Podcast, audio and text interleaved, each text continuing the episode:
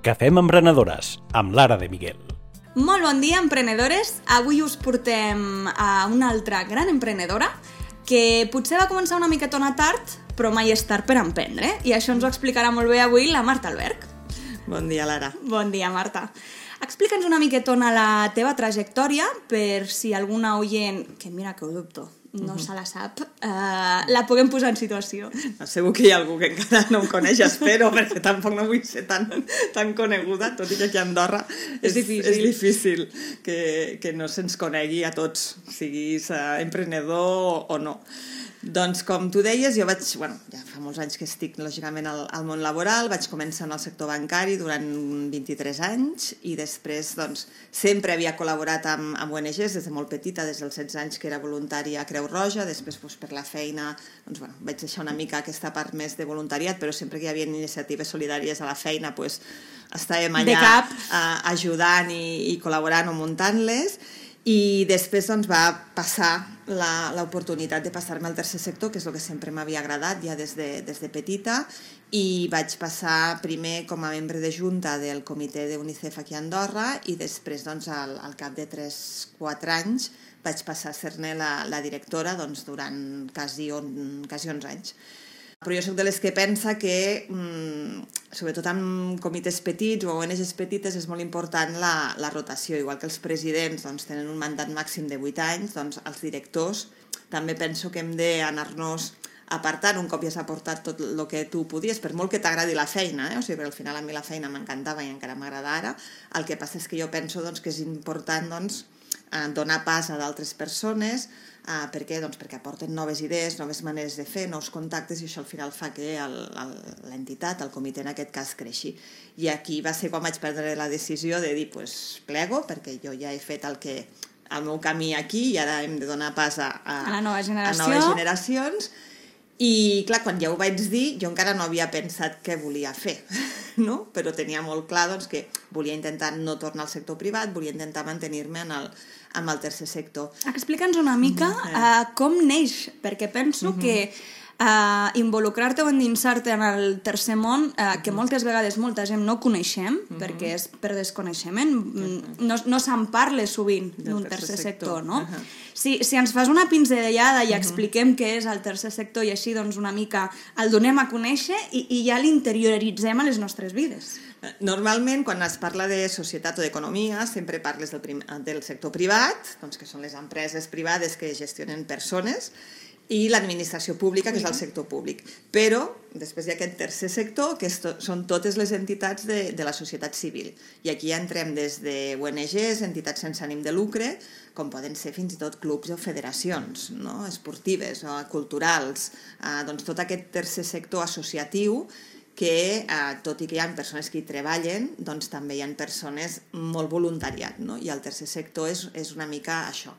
Doncs jo volia continuar formant part d'aquest tercer sector, però com a, també doncs, bueno, com a mode de vida, no? diguéssim. I llavors doncs, vaig intentar juntar una mica l'experiència professional de dir, doncs, eh, el món financer més o menys el, El domino, bueno, tant com dominar-lo no, però el conec. però vas estar-hi molts El anys. conec. M'agrada molt la part de solidaritat, de, de, de tota aquesta part de, de, de, de promoure el tercer sector i al final doncs, aquí va néixer Entropia, doncs, la idea aquesta de dir doncs, ajuntem persones o empreses amb projectes d'impacte social i fem una mica la, la connexió no? i ajudem a, fins i tot a personalitzar-ho. Doncs, si una empresa o una persona diu jo vull ser solidari, jo vull ser filàntrop, però mm, la causa doncs, eh, no trobo cap ONG que se m'adigui eh, o que es, mm, jo la consideri doncs, eh, escaient per lo meu, doncs jo els intento trobar doncs, aquestes entitats, siguin ONGs o siguin associacions culturals o, o esportives, doncs, que puguin donar resposta als interessos de, de la persona o de l'empresa. I aquí estem. Doncs, I, I creus que aquí a Andorra aquest sector està creixent en relació a altres països o, o, o com veus tu aquest sector doncs, que, que tu ets la professional i segurament doncs, saps de més exemples. Aquí a Andorra com creus que portem aquest tercer sector? Eh, jo penso que, que Andorra, en el tema de la solidaritat, és molt solidària, això uh -huh. qualsevol ONG t'ho dirà, doncs sempre que es fa una crida o sempre que es fa un acte, sempre que es fa una activitat, doncs la gent hi participa, més o menys, quan, mm, més o menys persones, però sempre hi ha aquesta uh, aquestes ganes de, de ser solidari. Ho veiem sobretot amb, amb emergències. Ara és el cas d'Ucraïna, però sí. abans van ser uh, altres casos doncs, que quan es fa la crida doncs, uh, la gent col·labora. Andorra s'involucra. No, això des de sempre, des de fa molts, molts anys. I és veritat doncs, que, que tenim un teixit associatiu molt important, però, tot i ser important, representa, si no ho recordo malament, uh, com que és molt voluntari, clar, Uh, quan tu mires doncs, la massa salarials de la casa i això, el sector associatiu és només un 0,6%. Mm -hmm. vale? I a Espanya estan igual, i a França s'hi fa o no fa, perquè clar, com que el, el tercer sector es basa tant en el voluntariat, és molt difícil de quantificar que representa el, el, el tercer sector en qualsevol societat. Però sí que és veritat que tenim una, una xarxa d'associacions importants, tant culturals, ja ho dic, eh, culturals, esportives, com, com sense ànim de lucre o, o solidàries o cíviques, i per tant jo penso que, que a més fan bona feina, o sigui, mm -hmm. algunes no són tan conegudes, altres ho són més perquè són més grans, però sí que és veritat de que bueno, sempre que hi ha alguna necessitat o al, algun cas específic la gent respon i, i tenim casos d'èxit de, uh -huh. de que han nascut en el moment oportú perquè hi havia aquella necessitat i ningú l'estava tractant i l'associació està uh, creixent i, i fent molt bona feina i per tant jo penso que, que són necessàries a més perquè al final el sector privat tampoc no pot arribar a tot arreu i el tercer sector està una mica per col·laborar tant amb, les, amb el sector, amb els tres sectors, els no? tres sectors. amb el públic i amb el privat, doncs, per arribar doncs, a, a, a donar resposta a aquestes necessitats socials. Marta, explica'ns una mica uh, com podem col·laborar amb aquest tercer sector, perquè segurament uh, les nostres oients estaran preguntant-se bueno, però això del tercer sector amb el sector privat és més aviat per a empreses privades grans, no? Sempre associem doncs, aquesta filantropia uh -huh. doncs, amb empreses grans que, bueno, s'ho poden permetre, però en realitat, uh -huh. com podem col·laborar les empreses petites, no? Eh, tothom pot col·laborar amb qualsevol entitat de, social o solidària, uh, siguis empresa petita o empreses grans. Uh, aquí a Andorra no ho tenim encara quantificat, però hi ha altres països com, com França que sí que és veritat de que les empreses grans uh, fan donacions i col·laboracions d'imports més grans, però al final, en percentatge, hi ha moltes més petites i mitjanes empreses que col·laboren que no pas les empreses grans. O sigui, si ho fiquem en, en quantitat, o sigui, si tenim 100 empreses grans, eh, doncs potser en col·laboren 10. En canvi, tens 100 empreses petites i te'n col·laboren 50. ¿vale? Per tant, eh, no, està, no és exclusiu de les grans empreses, el que passa és que sí que és veritat que les quantitats que donen són més importants i per tant doncs, criden més l'atenció i ens dona la sensació de que només col·laboren les empreses grans. Però qualsevol empresa, qualsevol emprenedor, qualsevol empresari pot ser uh, solidari i pot uh, incloure-ho, que jo crec que aquí és una mica la, la part uh, important i que cada vegada intentem entre tots que, que es faci, que és que tu ja incloguis la part social, l'acció social i la part solidària des del moment zero que crees una empresa. I aquí és on Enterprising crec que uh, hi pot posar-hi molt, perquè si estem si esteu, uh, tu Lara i l'Arnau, assessorant uh, dones que volen crear un projecte o una empresa, jo penso que és molt important que des del moment zero ens pensem en incloure aquesta acció social. I com tu deies, és l'acció social pot ser donacions, que potser és la, fa, la part més fàcil. visible i fàcil. Fàcil, perquè al final és, jo dono l'import que vull, doncs hi ha empreses que diuen jo destino un 1% dels meus, dels meus beneficis o de les meves vendes a acció solidària o acció social i, i ells escullen uh, a on volen estar però després també hi ha una part molt important que jo, a més jo hi crec molt, que és uh, totes les empreses hem de comprar serveis o productes per la nostra activitat. I cada vegada més hi ha empreses socials que t'ofereixen un ventall més ampli de productes i serveis de caire uh, social.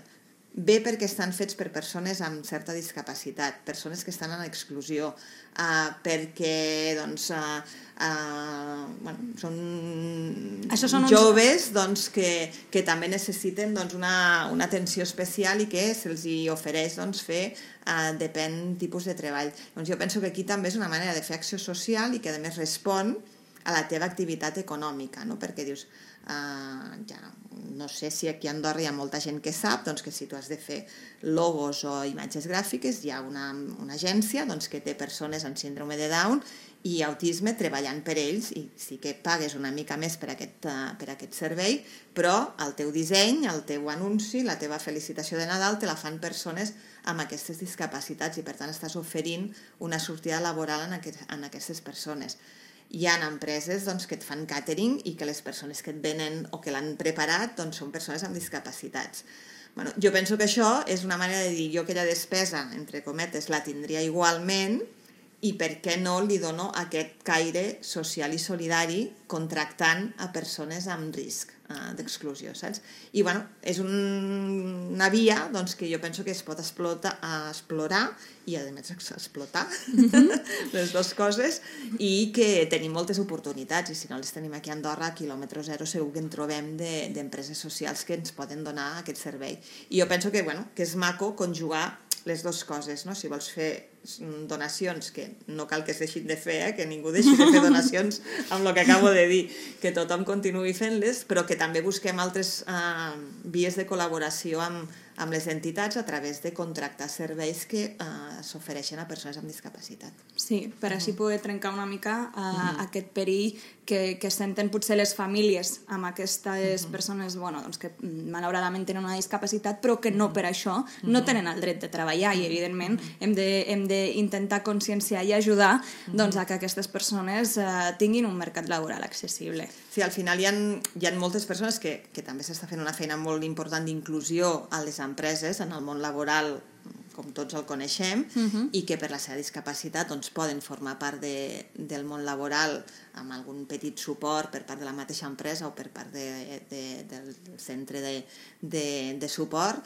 però sí que n'hi ha d'altres que per la seva discapacitat doncs, no poden estar sols treballant en una, en una empresa per molt que l'empresa tingui bona voluntat. No? Llavors, per aquí, els centres de treball amb persones amb risc d'exclusió o amb discapacitat que doncs, els donen el suport necessari perquè puguin formar part de el més assemblat al món laboral com el coneixem la resta de la gent. No? Jo penso que doncs, també es pot fer molta, molta acció social a través de contractar serveis o, o comprar productes en aquest tipus d'empreses socials. Doncs, uh, moltes gràcies per la teva visita, Marta. Avui hem aprofitat per encendre els micròfons amb tu, però sobretot estem molt contents de que t'hagis sumat en el nostre projecte dels consultoris gratuïts per les nostres eh, futures emprenedores i perquè doncs, des del consultori també ajudem a conscienciar a les persones que ens visiten en aquesta part social. Eh, ens encanta que, que t'hi hagis sumat i a totes les emprenedores que ens esteu escoltant que sapigueu que la Marta ens podrà donar molts més exemples i, i ens podrà guiar en com podem eh, portar aquests projectes i negocis en una part més social i inclusiva. Doncs esperem que després d'aquest eh, podcast doncs, eh, hi hagi més gent que, que, bueno, que si té alguna idea d'emprendre algun negoci o algun projecte doncs ja li posi aquest punt social i que et vinguin a veure o que et contactin eh, a entropia.com, punt .ad, Punt AD. punt AD, i a partir d'allà, i si no els nostres consultoris mensuals d'emprenedoria femenina, que gratuïtament doncs, eh, els hi faràs aquest eh, assessorament previ, diguéssim, de, de contestar qualsevol de les preguntes que puguin tenir en aquest sentit per aconseguir, doncs, si emprenen, que sigui un projecte un punt social més. Doncs jo encantada de col·laborar-hi i serà un plaer doncs, a, que els emprenedors vulguin saber com incloure aquest, a, aquest a, impacte social en les seves empreses. Moltes gràcies per vindre, Marta. Gràcies a vosaltres. Adeu. Adeu. Aquest projecte compta amb el suport del Govern d'Andorra.